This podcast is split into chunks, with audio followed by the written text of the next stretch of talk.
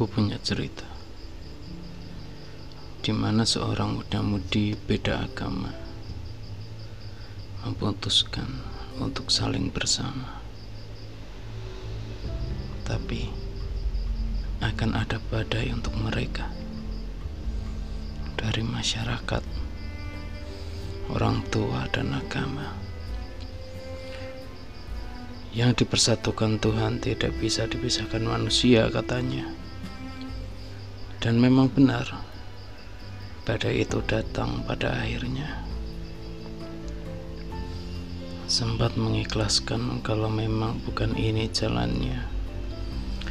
Berjalan sendiri-sendiri, mungkin tanpa asa, tanpa ada yang peduli perasaan mereka. Sempat juga membuka hati, membuka selebar-lebarnya hati untuk orang yang bahkan tidak punya hati.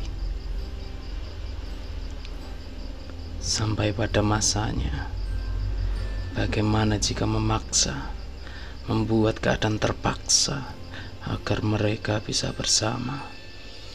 Memang hina dihina, tapi ini jalan satu-satunya, sehingga orang tua hanya bisa menerima. Mereka pun bersama. Kuharap mereka bahagia selamanya. Mereka mampu menerjang badai bersama, walau orang lain bilang iman yang menjadi taruhannya.